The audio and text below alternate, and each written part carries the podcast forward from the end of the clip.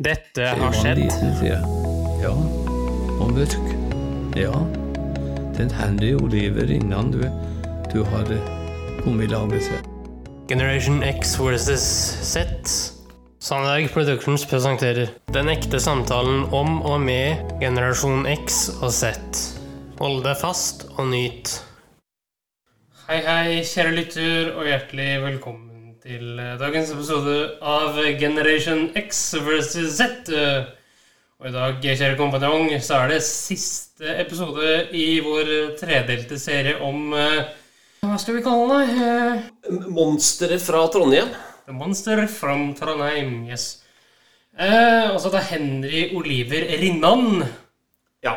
Eh, norsk agent i tysk tjeneste under andre verdenskrig. En eh, ja, skal vi kalle han Arne Treholt før Arne Treholt? Eh, Arne Treholt er ingenting i forhold til Rinnan. nei, eh, men det er liksom derfor, da. Arne Treholt før Arne Treholt. Skjønner du? Ja, det er greit, det. Men eh, det er jo sånn Quisling og Rinnan som eh, er de store. Iallfall i Norge, etter hva jeg eh, tenker. Nå skal vi altså avslutte Rinnan. Eh, hans metoder har utviklet seg til det verre. Og nå skal vi da over på denne sjarmøretappen som eh, feiler noe så kolossalt. Ja, og eh, vi er veldig glad for det. Ja. Vi avslutter Rinnan med dette her. Mange ble fortalt om den store motstandslederen Olav Wist i Trondheim. Også Ottar Sandnes ble bedt om å dra og møte ham i en dekkleilighet. Han var jo bak et forheng, han, og sa til ham men, og så faen, spytt ut, da, sa han. For jeg er sjefen, sa han. Jeg har dessverre måttet avlive en par mann før i kjeden. De har, ingen, de har ikke noen tillit til meg, så kan ikke jeg ha tillit til dem, eller sånn. Noen som var i villrede, tok heldigvis kontakt med ekte Milorg-folk, som nå hadde god oversikt over Henry Rinnan og spillet han organiserte, fra villaen i Landstadsvei. Så var det en kveld at jeg ringte på og gikk ned, og så kom det inn en kar og presenterte seg som advokat Kristiansen fra Namsos. Han fortalte da at uh, han hadde fått blitt oppsøkt av en lærer Haugan, som var kommet til, fra England med båt. Han hadde med seg stengun og engelske sigaretter. Så han stolte først og fast på han. Så fikk jeg da den karen til å fortelle og gi et signalement av den karen. For vi i Strindveien hadde nemlig oversikt over de landingene som foregikk av fiskeskøyter på Trøndelagskysten. Så vi visste at det var ikke noen som var landa der da. Blant Sørli-brødrenes kontakter var også en fotograf. Kjell Sørli oppsøkte ham og fikk med seg et bilde av Ivar Grande. Her har du bilde av lærer Haugan. Ja visst faen, hvordan har du klart å få tak i det? Og Ivar Grande, Rinnans nestkommanderende. Så da ble det alarm. Raskt gikk det meldinger til alle i faresonen, og samtlige klarte å flykte til Sverige. Blant avholds- og idrettsfolk i Trondheim utviklet det seg tidlig et illegalt miljø. Sentral her var urmaker Henry Tingstad. Også jernbaneverkstedet på Marienborg var sentrum for aktive radikalere og kommunister. De visste om og fryktet Henry Rinnan, og de begynte å diskutere attentat mot ham. Tingstad sa at vi er nødt til å ta livet av en, for han er angiver. Det var vel forresten mange som etter hvert hadde planer om å få Rinnan av dage. Formidlet av Rudolf Rosten i Grong hjalp Rinnan to utsatte jødinner fra Oslo over til Sverige. Dermed fikk han kontakt med kommunistmiljøet også i Oslo, og han dro sjøl dit ned for å infiltrere. Og det kom beskjed tilbake at de var kommet vel fram. Så jeg skjønner jo det at nå at det var en, en ledd i å skaffe, skaffe seg troverdighet. Det er veldig smart. Under rettssaken påsto Rinnan at han i Oslo hadde fått navn på flere kommunister i Trondheim, folk som senere ble henrettet.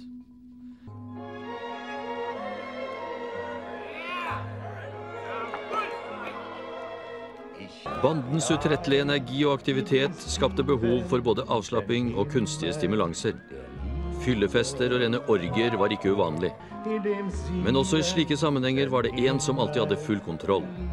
Henry Oliver Rinnan skaffet både damene og brennevinet, samtidig som han ga klarsignalene og alle ordrene. Alle medlemmene av banden hadde han til enhver tid full oversikt over, Av dem forlangte han blind lydighet. Antydning til kritikk eller opposisjon ble ikke tålt fra noen. Rinnans ord var lov. En ting glemmer jeg aldri. Da jeg kom opp fra Misjonshotellet og ble ført opp til Rinnan. Ble bundet en stol. Jeg ble fulgt opp av en gestapomann. og, så begynte han å slå meg. Og spurte hva vi arbeidet for. Meg bekjent så har jeg hatt kontrakt med deg her. Men det er en eller annen som du arbeider for. Utenom. Nei, den fantasien har ikke jeg. Og jeg fikk slag, vet du. Men du er observert i byen sammen med en som arbeider for Aper. Hvem er det, da? sa jeg. Dere har sittet på Britannia og drukket. Er det dem du arbeider for? Du vil helst ikke arbeide for noen, jeg. sa. Og dermed fikk jeg meg smell så det jeg ramla, vet du. Og stolen ramla. Ble tatt opp igjen. Da sier han i bevingende Du er ferdig, du.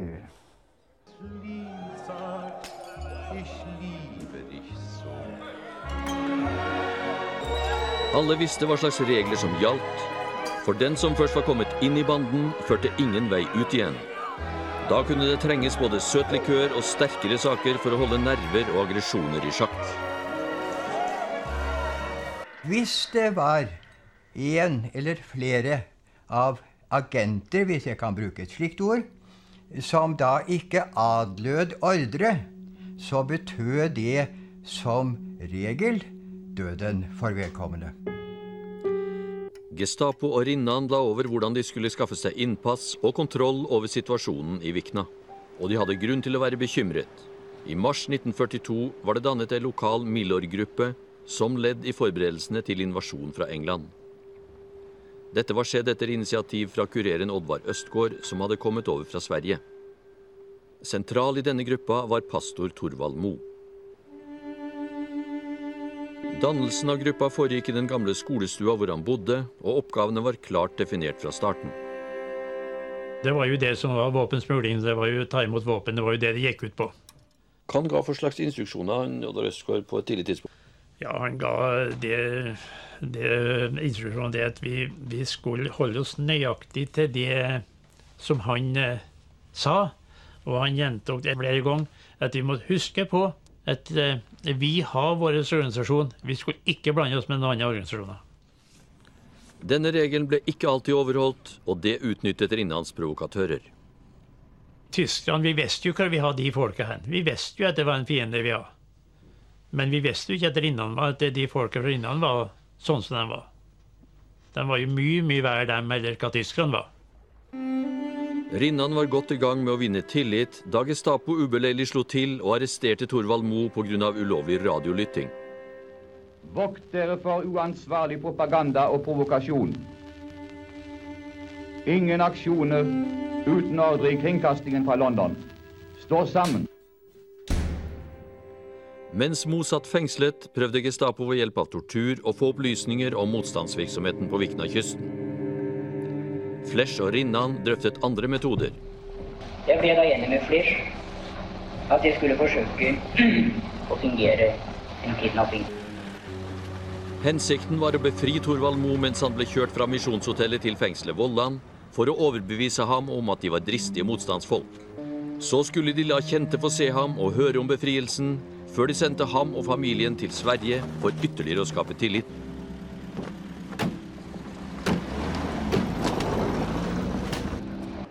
Rinnan hadde igjen lyktes med sitt dobbeltspill. Han og hans folk så godt som overtok Thorvald Moes organisasjon. Det var en fantastisk måte de, de gikk fram på. De gikk jo fram på en sånn måte at, at folk måtte ha tiltro til dem. Man må si det at Om Når jeg var i stand hos Torvald, så kunne jeg ikke ha tenkt noe annet at det må være rette folket som, som gjorde noe sånt. Historia om Thorvald Moe og Vikna var fantastisk, men ikke enestående. Rinnans smarte dobbeltspill gjorde illegalt arbeid nesten umulig. Det som eh, var det store problemet, det var jo at mange var organisert. De kom og sa at nei, vi er med, jeg er med, jeg er med i Milorge. Og så var de negative kontakter for Rinnan. Så han hadde bygget opp en, en fantastisk organisasjon. I Stockholmsmiljøet kom det stadig drypp av nye opplysninger om Rinnans utspekulerte spill. De norske etterretningsansvarlige skaffet seg etter hvert både navn, dekknavn, bilnummer og adresser som kartla bandens kontakter og bevegelser. Selv om ikke alt i detalj var utfyllende og korrekt, var det imponerende hva Caleb Nytrøen klarte å sette sammen i 1943. Likevel var det ikke nok til å få uskadeliggjort angiveren og torturisten. Tvert imot trappet han stadig opp spillet mens han skiftet adresser og tilholdssteder, og så ut til nesten å ha dyrets varighet for attentatforsøk og andre anslag rettet mot seg. Rinnan flyttet fra sentrum til et mer uforstyrret hus i gamle Åsvei. Dit ble Tingstad tatt, og der utførte Rinnan og hans folk for første gang selvstendig tortur. Læremester var den brutale gestapisten Bøsten. En viktig motstandsmann skulle pines og plages til han sprakk. Jeg vil i grunnen ikke bebreide noen som ikke klarte det. Man vet hva den ble utsatt for. Dag etter dag avløst av nye torturister med de eh, verste måter som var. Og eh, så må jeg vel si at, eh, at jeg har eh, tvil om hvordan jeg selv kanskje ville tålt en sånn behandling. Propagandakrigen ble trappet opp. Både tyskerne og NS kjørte hardt mot sovjetrusserne og kommunistene som hovedfiender. Dette hang nøye sammen med situasjonen på østfronten, der kampen om Stalingrad tilspisset seg og etter hvert fikk avgjørende betydning. Hele felttoget begynte å gå i stå for tyskerne, men det fortalte propagandaen deres ikke noe om. Russerne stanset Hitler-Tysklands armeer for godt. I Trøndelag gikk det bedre for tyskerne. Henry Tingstad og folkene rundt ham ble tatt og skutt. Til sammen ti personer ble henrettet. Igjen hadde Gestapo brukt jernhansken, igjen var Rinnan direkte medansvarlig. Det dystre alvoret ble understreket i miljøet som var rammet. Det ble varsla på et uh, møte at uh, hvis det var noen som uh, ville trekke seg, så var det anledning til det nå. De som fortsatte med, måtte være klar over at vi ikke kom til å overleve denne krigen her. Men det var ikke noe mange som Men trakk seg? det var ingen. I England ble det pakket våpen, beregnet på å trappe opp motstanden i Norge. Skøyter gikk tungt lastet, ikke minst til kystområdene på Helgeland og i Trøndelag. Våpensendingene skapte entusiasme og tro på snarlige aksjoner, men mengdene gjorde samtidig mottakssystemet sårbart. Det var ikke lett å holde alt hemmelig og skjult. Og Rinnans hjelpere var utrettelig på farten, med vidåpne øyne og ører. I Trondheim syslet flere med planer om drastiske framstøt mot folkene rundt Rinnan. Likvidasjoner ble diskutert. Spørsmålet var hvem det var viktigst å kvitte seg med. Sørli mente jo at Grande var den aller farligste. Og eh, jeg husker jo en gang sto Odd Sørli og barberte seg, og så roper han på meg. Jeg satt eh, på en stol, og så roper han 'Se der, sier han. Der går Ivar Grande. Skyt ham!' Jeg løp ut så fort jeg kunne, men rakk den ikke igjen før vi var midt nede i byen. Og eh, da kom det en svær avdeling med russiske krigsfanger. Så jeg fant ut at nei, jeg tør ikke. Det kan bli for mye trøbbel her hvis, hvis jeg skyter den nå. Jeg tenkte da på alle de russerne. Eh, så jeg gjorde det ikke. Aktiviteten var stor på denne tida. Stadig nye folk kom med i motstandsgruppene. Det ble gitt våpeninstruksjon og opplæring i nærkamp. Alt ble lagt opp med sikte på å være forberedt når den allierte landgangen kom. Og landgangen kom, bare ikke i Norge, den kom på Sicilia. Jeg opplevde det som en aldeles eh, merkverdig dag. Det var jo en gledesdag for hele Europa, fordi da endelig hadde de allierte gått i land i Europa.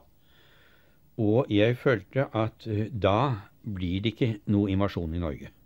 Man kunne være glad for det eller lei for det, men for Norge var det kanskje det beste. Men for oss som hadde arbeidet med den planen, var det jo en forferdelighet, fordi eh, vi følte jo da med en gang, iallfall følte jeg det, at eh, alt det vi hadde gjort, det var verre enn bortkastet. Fordi det var åpenbart at vi kunne ikke bli sittende med så stor organisasjon og så store våpenlagre i lang tid fremover. Fra Shetland og de britiske øyer ble stadig nye bombetokt iverksatt.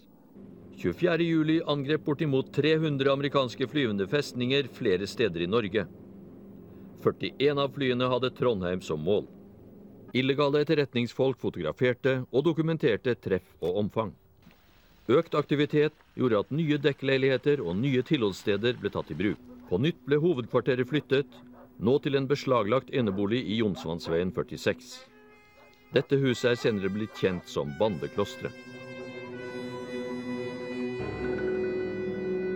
Her fantes både fangeceller og bar, hvor slitne torturister kunne styrke seg med likør og dram i pausene mellom mishandlingene av arresterte motstandsfolk. Mange nordmenn hadde etter hvert flyktet til Sverige. I begynnelsen nektet de svenske myndighetene enhver militæropplæring, men da det ble tydeligere at tyskerne kanskje ikke ville vinne krigen, endret holdningene seg. I Stockholm ble det enighet om at motstandsarbeidet i Midt-Norge var sterkt hindret av Rinnans utspekulerte infiltrasjoner, og det ble planlagt å sende ei likvidasjonsgruppe for å ta ham. Gruppa ble forsterket lokalt, og deltakerne gikk i dekning i Landstadsvei etter å ha spanet på Rinnans bevegelser. De hadde nå bestemt seg for å ta ham levende. Etter det siste, da, at vi skulle prøve å ta ham til fange, skulle vi være der klokka sju. Og med samme bilen kom, så skulle jeg springe fram, rive opp bildøra og få tak i Rinnan og dra den ut. Og de andre skulle eh, dekke med. Rinnan må ha ant noe, for i full fart var han ute av bilen og inn i hagen. Både en i gruppa og en av Rinnans folk ble såret. Senere kom det fram at Fredrik Nannestad Brekke hadde røpet planen for kontraspioner i et fuktig selskap. Attentatet mislyktes, kommunistene fikk skylda. Jakten på kommunister og radikale ble derfor trappet opp i selve Trondheim. Ut fra listene som var satt opp, slo Gestapo systematisk til med en omfattende arrestasjonsbølge. Mange fikk brutalt og uventet besøk. tok de både meg og fatter'n. Da ble det på Misjonshotellet. Da fikk jeg ganske ublid behandling av en Besken var vel forhørslederen het da. Men det var ingenting imot det som de andre karene fikk gjennomgå i bandeklosteret. I bandeklosteret fikk de arresterte hele spekteret av råskap rett på naknekroppen. For dette ble spesialiteten til banden og lederen Henry Oliver Rinnan. Han tok i bruk alle slags torturmetoder. Begrensningene lå bare i hvor mye torturistene orket. Ja. Uh, vi stoppa der. Men når krigen eh, var slutt, så ble Rinnan eh, dømt til døden. Og plaffa ned. 1.2.1947. Ja. Og eh, det var den historien, gutten min. Ja. De som ønsker å, å høre mer om både Rinnan, Rinnanbanden etc., de kan altså se fem og en halv time TV-produksjon. Hvor, Henrik? På NRK TV, og dokumentaren heter da 'Skyggespill' fra 1996. Nå har vi hørt grusomheter, men eh, altså, vi må ha balanse i båndene, Henrik. Har du NRK gjort det i dag? Ja.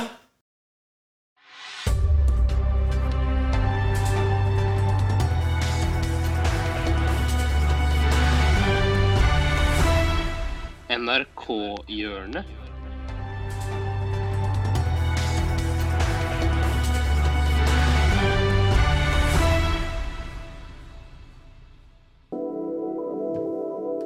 Jepp. Nå har vi NRK, vet du. Ja da. Nå skal vi høre definisjonen av en såkalt radiostemme i gåseøyne.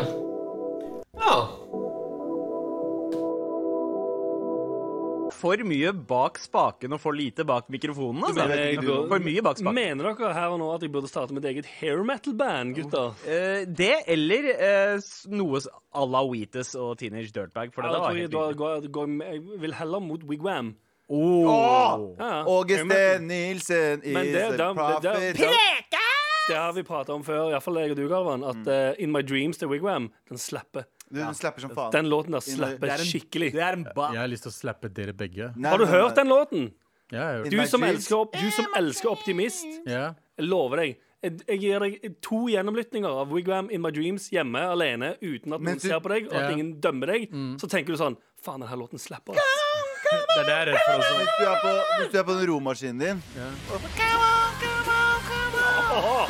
Jeg vet jeg gjorde det samme. Ja, ja, ja. Men Da må jeg bytte den ut med den jeg har nå, og det er Til I Collapse med Eminem. Fuck you. Men bytte ut Wigwam in my dreams når du ror fra nå. Bare test det. Ok. Og please test det. Please test det over helgen, og så på mandagen gi feedback.